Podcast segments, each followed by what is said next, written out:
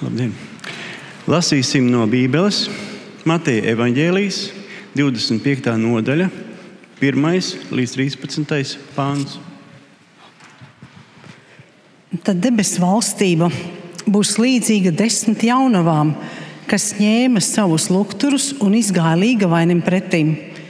Bet piecas no tām bija ģeķīgas, un piecas bija gudras. Jo ģeķīgās ņēma savus lukturus, bet eļļas tās nepaņēma sev līdzi. Bet gudrās paņēma sev līdzi ar lukturiem arī eļļu savos traukos. Kad līgavainis kavējās nākt, tad viņas visas iesnaudās un gulēja. Bet nakts vidū balss atskanēja: Redzi, līgavainis nāk, izeita viņam pretīm. Tad visas jaunavas cēlās un sakārtoja savus lukturus, bet ģeķīgās sacīja gudrajām: Dodiet mums no savas ceļas, jo mūsu lukturi izdziest. Bet gudrās atbildēm sacīja: Tā nē, lai nepietrūktu mums un jums, bet noiet labāk pie pārdevējiem un pārpērciet sev. Un, kad tās aizgāja pirkt, nāca līga vainas. Un kas bija gatavas, iegāja ar viņu kāzās, un durvis aizslēdza.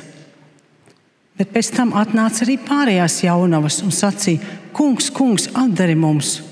Bet tas atbildēja sacīja: Patiesi es jums saku, es jūs nepazīstu. Tāpēc esiet modrīgi, jo jūs nezināt ne dienu, ne stundu, kurā cilvēka dēls nāks. Amen. Amen. Lūksim Dievu! Lielais debes Tēvs, pateicos, ka Tu esi mums sastājis Bībeli, savu vārdu. Lielais debes Tēvs, un tāpēc lūdzos, ka mēs varētu to lasīt, uztvert un savā sirdī dziļi paturēt un darīt, kā Tu vēlēji, Lielais debes Tēvs. Lūdzos tagad pārmeklē mūs katru vienu un pildi mūs ar savu garu lai mūs nepietrūktu tava spēka, tava padoma, un tavas gudrības un tavas žēlstības, lielais debes tēvs. Ka mēs varētu tajā dienā būt kā gudrās jaunavas, lielais debes tēvs, ka tu mūs neatraidi. Tāpēc, tāpēc piedod mums mūsu grēkus, tāpēc svētī mūsu lūdzu un palīdz mums staigāt ar tevi, lielais debes tēvs, katru dienu, ikdienu. Un lūdzos, ka varētu mēs ieklausīties tavā vēstī, ko mācītājs Ilmārs mums sludinās. Lielais debes Tēvs, pildi to viņu ar svēto garu un mūs arī. Lielais debes Tēvs, tev vienam Jēzus vārdā. Āmen. Āmen.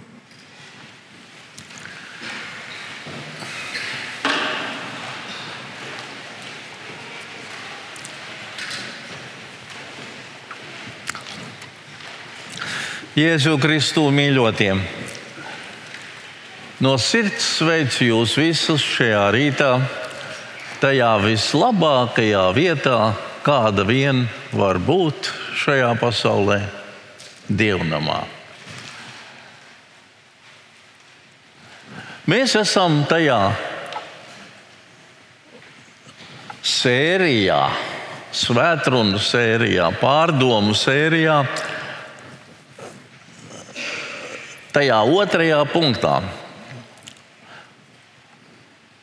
Aizgājušajā svētdienā mācītājs Matīs runāja par tēmu, kā sagatavot savu sirdi Kristus atnākšanai. Mūsu šodienas tēma ir, ko tad darīt ar prātu? Kā to prātu sagatavot? Es pat teiktu mazliet savādāk. Kā to prātu gudri lietot visu laiku, lai tas ietekmētu visu to mūsu gatavošanās procesu. Un tad es tā domāju, ja mums tā būtu jāatbild, nu, ja tāds tests būtu mūsu priekšā. Tagad modē ir tādus atzīmēt. vai vienā vai otrā vietā. Un ja tagad mēs pieņemsim, būtu uzstādīti divi jautājumi. Nē, nu tas būs pārāk personīgi. Labi, ņemsim visu, visu Latviju. Visus tos apzinīgos cilvēkus, kas ir izauguši no tādām bērnības dienām, no gadiem, un uzdosim jautājumu, ja mēs uzdotu, kā tu sev vērtē? Vai tu esi gudrs vai muļķis? Nu, kā jums šķiet? Es esmu pārliecināts, ja būtu trešais, tad nu, varētu būt ļoti daudz arī tie atturos no tāda balsojuma. Bet man šķiet, ka tas lielākais daudzums teiktu, es esmu gudrs. Es jau ar laikam pa sevi tā rakstītu. Bet tad sakiet, kāpēc tik daudz muļķības ir sastrādāts Latvijā? Visās jomās, politiskā, saimnieciskajā, sadzīves, nu, arī garīgajā jomā, es domāju, daudz muļķības sastrādāts. Tik daudz gudru cilvēku, ja mēs skatītos tajās anketās, un tik daudz muļķības. Man šķiet, iemesli divi. Tas pirmais ir, tas jau mums pašiem tā šķiet, ka mēs esam gudri. Tas ir mūsu pašu vērtējums. Tie citi nemaz varbūt par mums tā nedomā, vai arī domā gluži pretēji. Ja mēs domājam to garīgo jomu, tad vai mūsu vērtējums saskanēs ar mūsu kunga vērtējumu, kad viņš nāks? Vai viņš arī pie mana uzvārda pieliks ķeksīt, jā, akceptēju, viņš ir gudrs. Un tas otrs iemesls ir mērķis. Gudrība vai muļķība var tikt izvērtēta tikai pēc tā, kāds tas mērķis ir stādīts. Kas vienam ir pareizi un gudri, tas otram ir nepareizi un muļķīgi. Tāpēc, ka ir atšķirīgi mērķi. Pasaules mērķis ir skaidrs. Iekārtoties šajā dzīvē pēc iespējas ērtāk, nodrošināt savu un savu bērnu nākotni, iekrāt kaut ko nebaltām dienām, saprātīgi tērēt, gudri investēt. Tas ir tāds mērķis, kas piesaista mūs pie pasaulīgām vērtībām. Pie materiālām lietām, pie labklājības, pie bankas kontiem. Un gudra dzīvošana tad būs tāda dzīvošana, un tāda rīcība, kas nodrošinās šī mūsu pasaulīgā mērķa sasniegšanu. Kristiešu mērķis ir pilnīgi cits. Vismaz vajadzētu būt. Proti, man šeit jādzīvo tā, lai es kādreiz nonāktu pie sava tēva debesīs. Tā tad divas gudrības pasaules gudrība un dievišķā gudrība.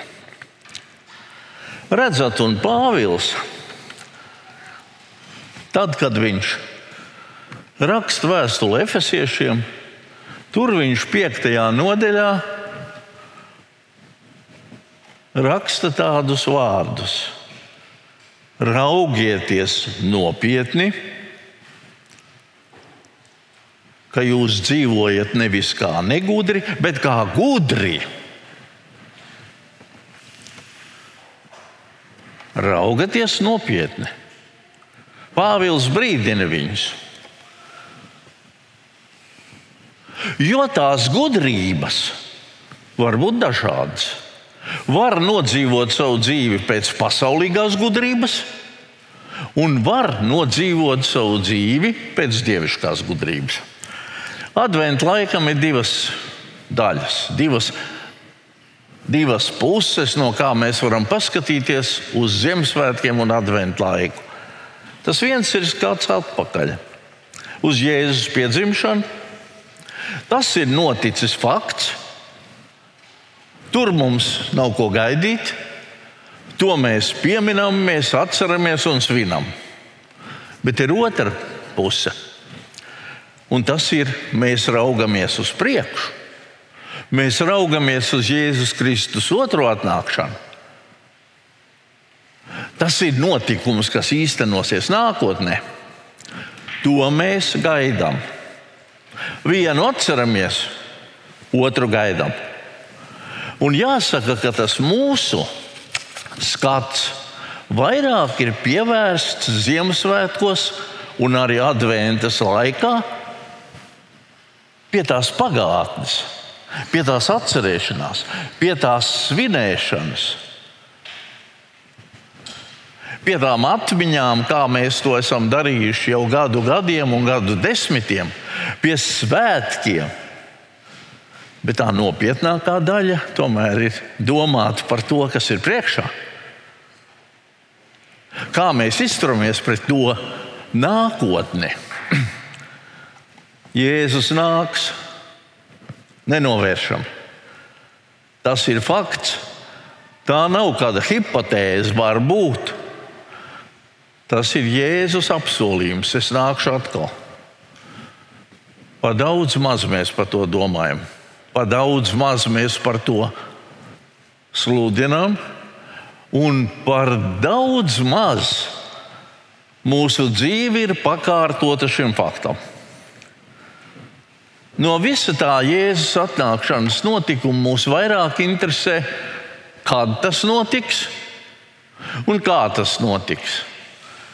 Un tad mēs interesanti rēķinām termiņus, kādi vēl ir, kurā dienā, kurā stundā tas notiks. Un tad tie termiņi izgāžās mums, jo Bībelē taču rakstīts, ka neviens to laiku nezina, kā vien tēvs. Un vispār, tad, kad mēs domājam par tiem pēdējiem laikiem un Kristus atnākšanu, tad mums radās tāds iespējas, būs viens baigais haoss. Pastardiena, paraušana, varbūt kāds nospiedīs kādu pogu, un tad viss kodola karā sāks aizies bojā.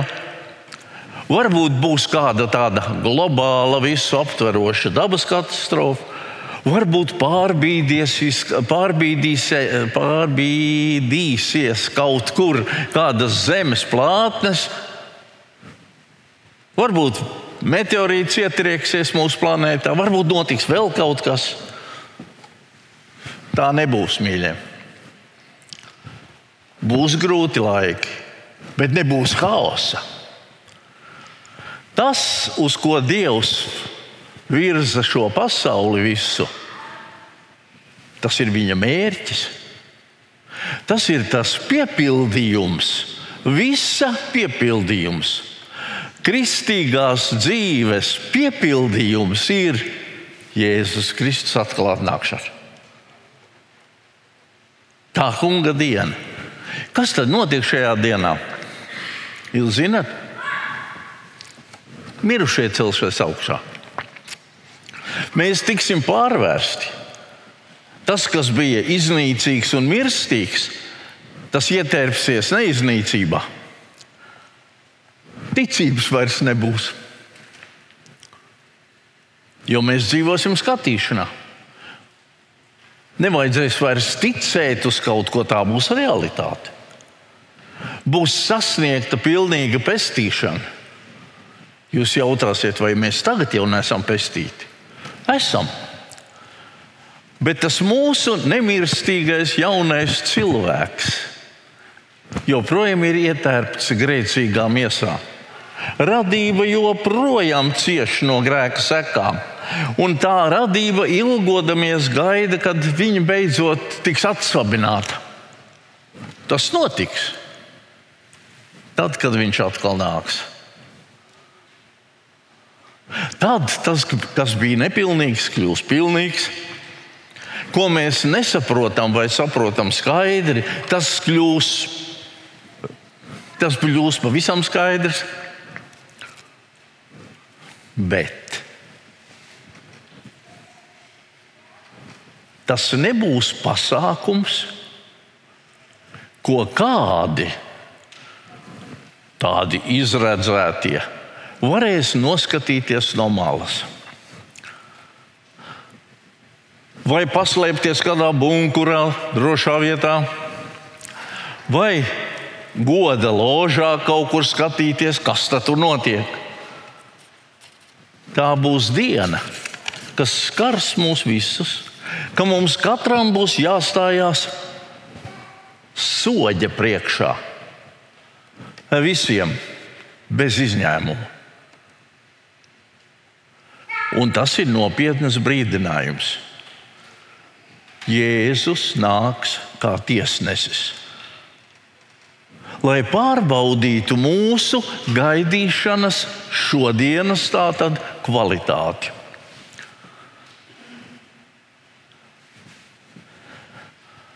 Un tad viņš teiks, uz kādiem labi tu godīgais un uzticīgais kalps Bet uz kādiem viņš teiks, es tevi nepazīstu. Kas tu tāds esi? Tas izšķirās šodien. Ko tad kādreiz viņš man teiks? Un tad es vairs nevarēšu neko mainīt, neko labot, neko viņam ieskaidrot. Pavēlti man būs viņam stāstīt, kungs, pašķirsti to savu grāmatu, Tur noteikti jābūt ierakstītam, cik es dziesmas esmu nodirģējis, cik grāmatas uzrakstījis, cik svētrunas pateicis. Redzat, tas ir brīdinājums un nopietns brīdinājums. Ne tikai neticīgajiem, bet arī ticīgajiem. Kādi teiks, kungs, bet mēs tavā vārdā esam brīnums darījuši, sludinājuši. Viņš teiks, nepazīstu. Laudīķīs draudzēji atklāsmes grāmatā Jēzus saka, es tevi izspļaušu no savas mutes. Draudzi izspļaus, ticīgos izspļaus. Kāpēc? Remdenības dēļ. Tas nav kāds viens vai vairāki grēki, Remdens jau nekļūst vienā dienā, arī nevienā gadā. Tas ir kāds stāvoklis, kurā kristietis var nonākt tā lēnām, soli pa solim. Kāpēc? Nav bijuši gudri savā gaidīšanā. Nav gaidījuši varbūt nemaz Kristus atnākam. Kāpēc mēs esam tik viegli prātīgi? Bet tiešām nemaz neticam, ka tas notiks. Jeb tas ir mums tāds dogmatisks secinājums, jā, tas pieder pie ticības, viņš nāks. Mēs varam to ignorēt līdz kādam brīdim. Un tas brīdis saucās kamēr viņš nāks. Es nākšu atkal, šim Jēzus apsolījumam ir jākļūst par mūsu dzīves mērauklu. Viņš nāks nenovēršam. Ir kādas 300 vietas jaunajā derībā, kur ir runāts par viņa atkal nākšanu. Jautājums nav, kad viņš nāks vai kā viņš nāks. Jautājums ir, vai tu šodien to ņem nopietni. Vai tas šodien iespaido tavu ikdienu? Visai kristieša dzīvei, katra diena no rīta līdz vakaram, ir jāiet zem šī moto. Viņš nāks atkal. Tam ir jāiespaido visi tavi lēmumi, visa tava rīcība. Vērtībām ir jātiek izvērtētam no šī fakta.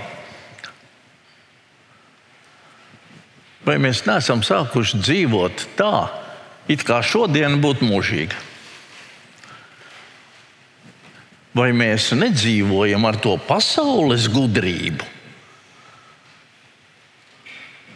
Vai Kristus atnākšana ir mūsu ikdienas dzīves mēraukla?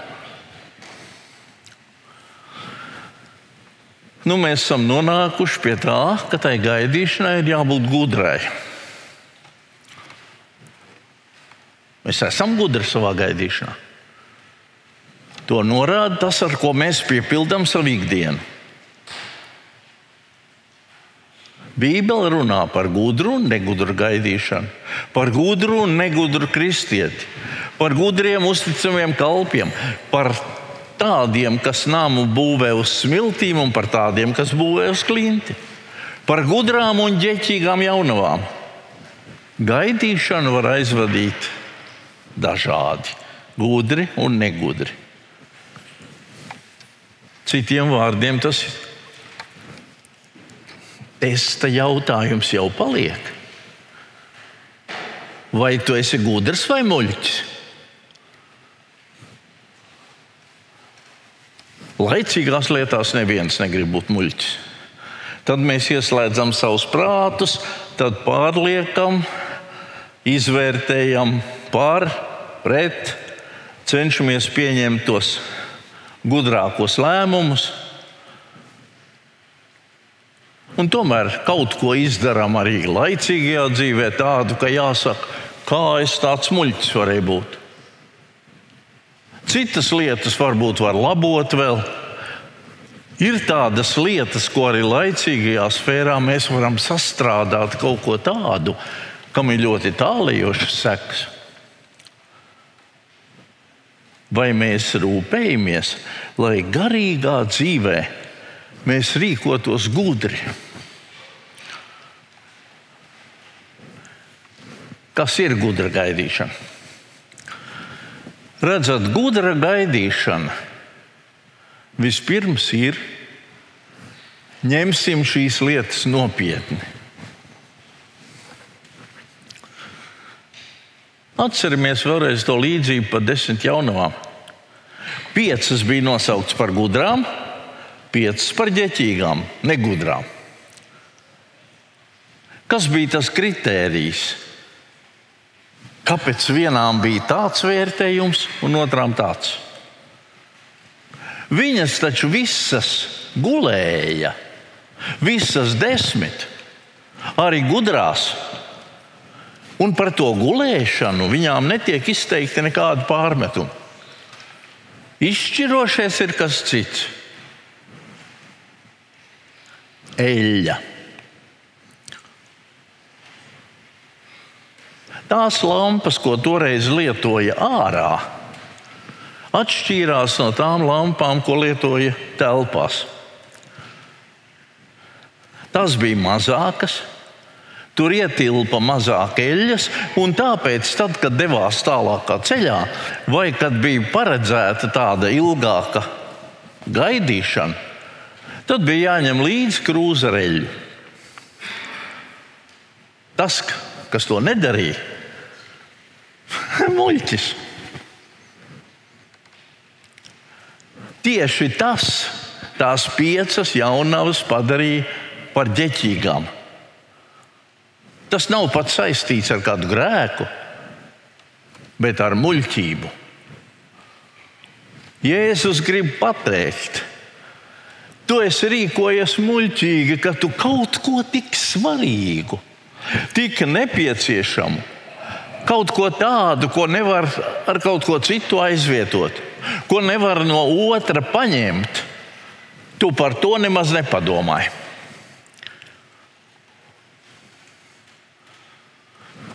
Tās negudrās, tās ģeķīgās, acīm redzot, vispār nav nopietni domājuši, ka tas līgavainis nāks.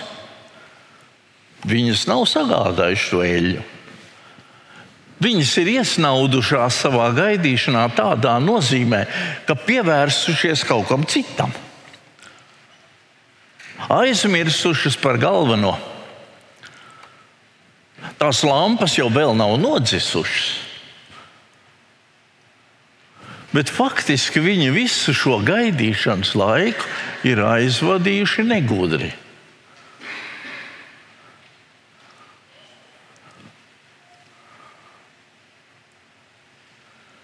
Abās grupās ir pieci.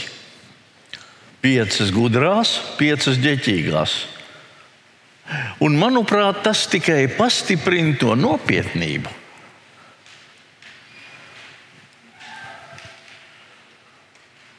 Tas nav, kad deviņas gudras, nu vienai tur kaut kas iznāca tā, neizdevās kā gribēja. Brīdinājums tas var būt par vēlu. Būtībā šīs līdzības tēma mazāk ir tā vēstures pēdējā stunda vai pati Kristus nākšana, bet gan mana šodiena. Visi ticīgie, arī ticīgie, tad, kad Kristus nāks, piederēs vienai no šīm grupām. Vai tu kristieti būsi bijis gudrs savā gaidīšanā, vai tu kristieti būsi negudrs bijis? Vidusceļa nebūs, neko izmainīt nevarēs. Redzat, gudra gaidīšana Tā nav tāda vienkārši skaista paspēlēšanās kristīgajā smilšu kastē. Nav aktīva piedalīšanās kristīgajās um, aktivitātēs, pasākumos dažādos. Tie nav kādi īslaicīgi emocionāli jūtu uzkurinājumi Gaidīšanas laiks mūs nopietni pārbauda un piedāvām ļoti garā distancē. Gudra gaidīšana ir eļļas gādāšana. Ziniet, var nepietikt. Kas ir šī eļļa? Vai padziļinātas Bībeles studijas? Vai vēl lielāka aktivitāte draudzes kalpošanā. Bībelē eļļa ir svētā gara simbols. Un ja tas ir tā, ziniet, tā ir kolosāla muļķība, vislielākā muļķība šo svēto gāru pazaudēt. Citiem vārdiem, garā iesākt un tad pamazām tā uz leju. Neļaut garam darboties. Jo tad, kad mēs nākam pie Kristus, tad mēs saņemam svēto garu sevi. Un viņš mums sola, viņš grib aktīvi mūsos darboties. Kāpēc viņš to nedara? Tāpēc, ka mēs to neļaujam. Un galotiešiem Pāvils saka, kāpēc jūs esat tik nesaprātīgi? Jūs garā esat iesākuši un gribat miesā pabeigt. Svētais gars ir tepat. Jūsos vajag ar viņu dzīvot, vajag lietot viņu, vajag ļaut viņam darboties, vajag lietot viņu savā lampā. Dzīvojiet gudri, Pāvils saka. Mēs varam vai nu gudri, vai negudri aizvadīt šo gaidīšanas laiku. Mēs visi taču gribētu gudri, vai ne? Kā mums to izdarīt?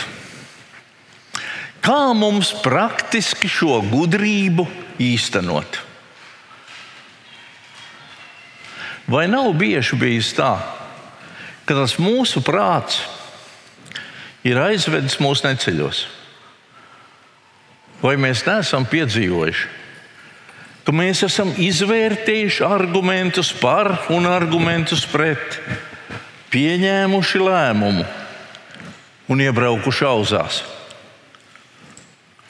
Man nāk prātā no manas dzīves kāds gadījums, kad mani aicināja atstāt laicīgo darbu un sākt strādāt par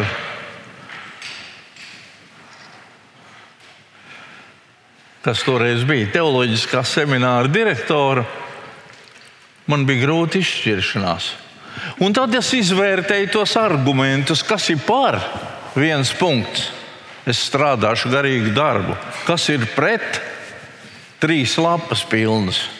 Jau iesākot ar to, ka man būs piecas reizes mazāka alga.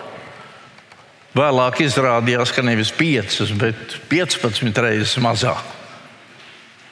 Un tad vienā brīdī nāca kas? Es saplēsu visas lapas un skaidri zināju, man ir jāiet tur. Redzat, mēs varam būt absolvējuši pasaules prestižākās universitātes. Oksfordā, Harvardā, Jēlā vai kaut kur citur vēl. Un būt muļķi. Jo prāts un gudrība nav viens un tas pats. Lieliski to zināja jau jūdi, vecās derības jūdi. Viņi par gudrību runā pavisam savādāk. Starp prātu un gudrību nevar likt vienlīdzības zīmi. Salamans saka vēl vairāk. Nepaļaujies uz sava prāta gudrību. Mīļo Salamanu, uz ko tad lai es vēl paļaujos? Jā, ne uz savu gudro prātu.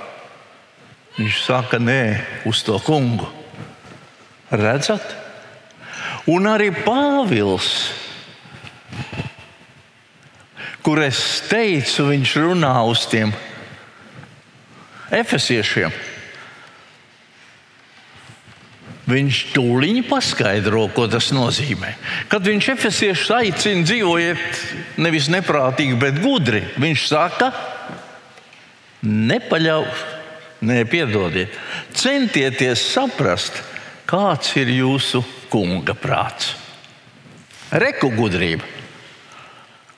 Gudra dzīvošana ir nepaļauties uz savu prātu, bet censties saprast un paklausīt Dieva prātam.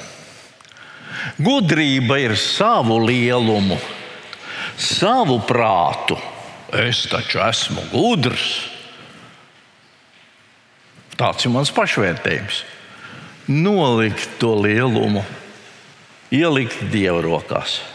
Netopi varens. Šodienas cilvēks ir par daudz liels kļuvis savā garā Viņš cīnās par savām tiesībām. Viņš būvē savus ziloņkaula torņus. Viņš nepaklausa dievam, bet grib, lai dievs viņam paklausa. Tā ir muļķīga dzīvošana. Dievs nogāž varenos no viņa troņa, viņš satriec mūsu gudrību, Viņš aptumšo acis cilvēkiem, viņš stāv pretī lepniem. Tā gudrība ir. Ja tu gribi gudri dzīvot, tad katru dienu lūdz pēc tā. Kungs, satriec manu prātu. Kungs, satriec manas domas. Satriec visus plānus, kas nāk no manis un nevis no tava gudrā prāta.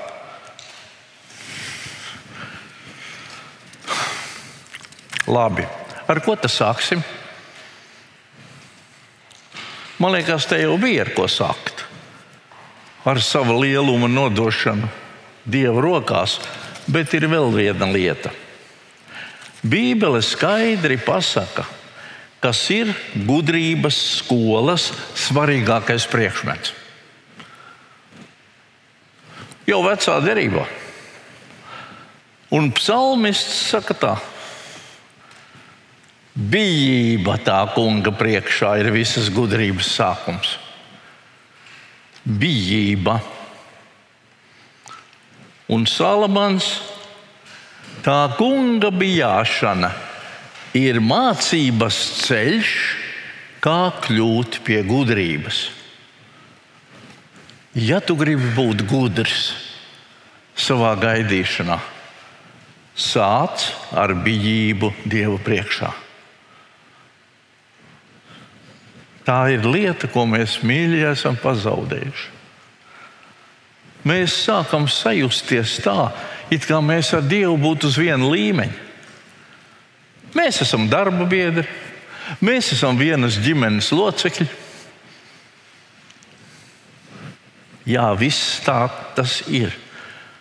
Bet tomēr viņš ir tēvs un es esmu bērns. Viņš ir kungs, es esmu kalps. Viņš ir svēts un es esmu grēcīgs.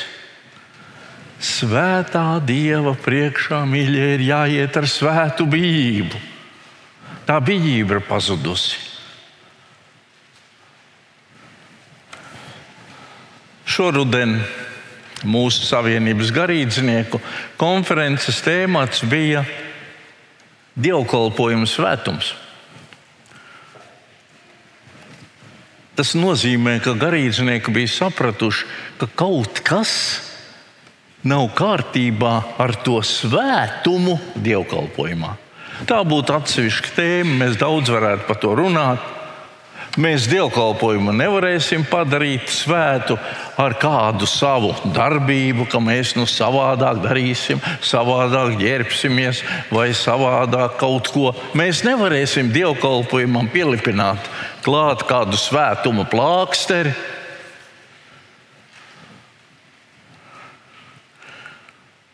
Svētums nav atkarīgs no noteikumiem.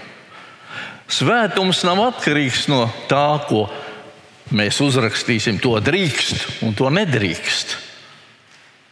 Tas ir atkarīgs no katra viena te, kas ir mūsos iekšā.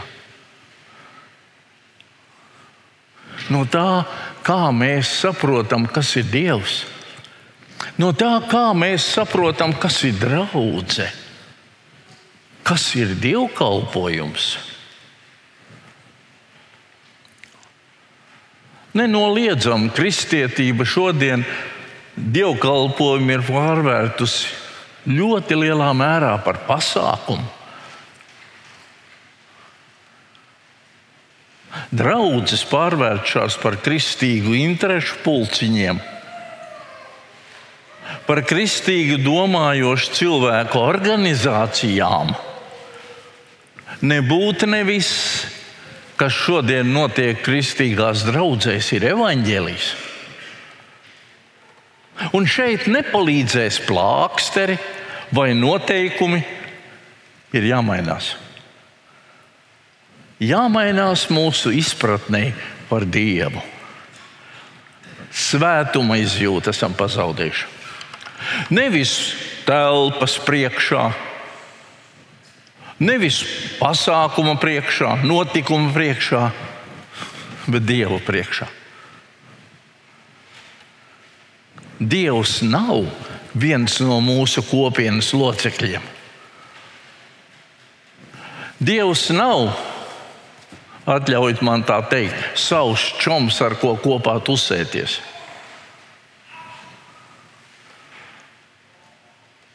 Viņš ir kungs.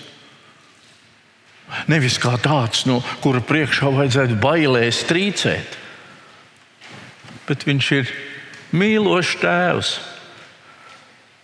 Viņš ir svēts. Kā mēs apējamies ar svētumu? Ja mēs paņemam rokā kaut ko nu, vērtīgu, eģiptiešu teiksim, vāzi, mēs rokas trīcētu, kad tik nenometam zemē, nesabojājam šo vērtību. Kāpēc mēs esam pazaudējuši svētsvinīguma izjūtu, kad tuvojamies svētiem Dievam? Glābjošas nav svētdarbības, bet sirds stāvoklis. Sirds ir jāpadara svēta. Es īsti neatceros, bet man šķiet, tas bija saimnes deputāts, kultūras darbinieks, muzeķis Jurģis Klotiņš, kas teica, vai cilvēks vispār var dzīvot jēgpilnu dzīvi, ja viņam pilnīgi nekas vairs nav svēts. Tāds, kura priekšā viņš izjūt bijību.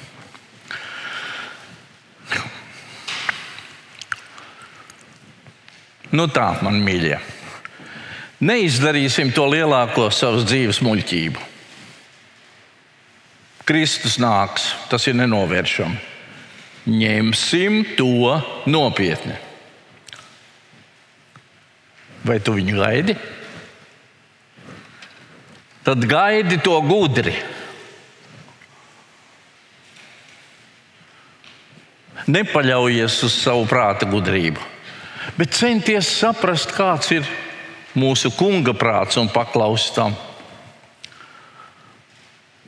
noliec savu lielumu. Un ar svētu bību tuvojies svētajam dievam. Tā būs gudra Kristus gaidīšana. Tā būs tā prāta iesaistīšana. Adventa laikā mēs bieži redzam un Ziemassvētkos svecītas. Lai tas ir atgādinājums, man jārūpējas par eļļu. Es nedrīkstu to pazaudēt, lai mans lukturis neizciestu. Lūksim Dievu!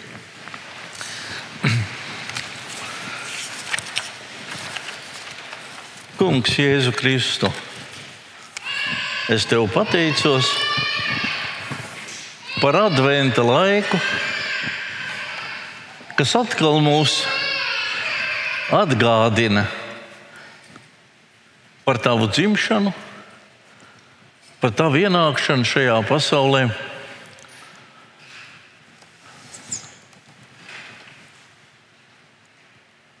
Kungs, bet liek mums domāt arī par to daudz lielāko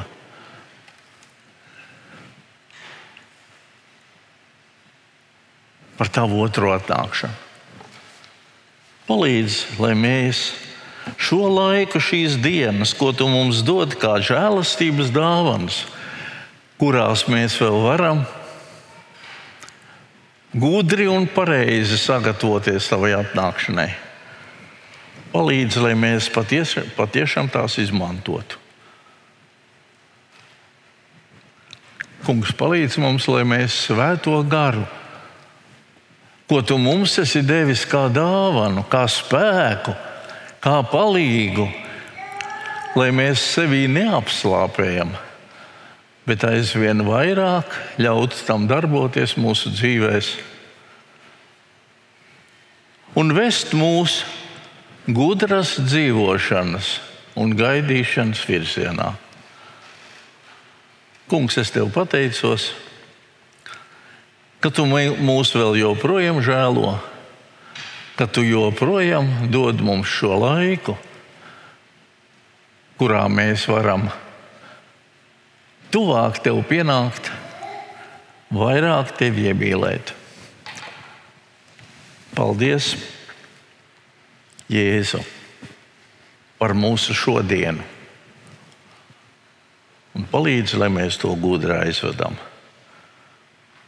Tev lai gods, tev lai slava, pateicība un pielūgšana tagad un mūžu mūžos. Āmen!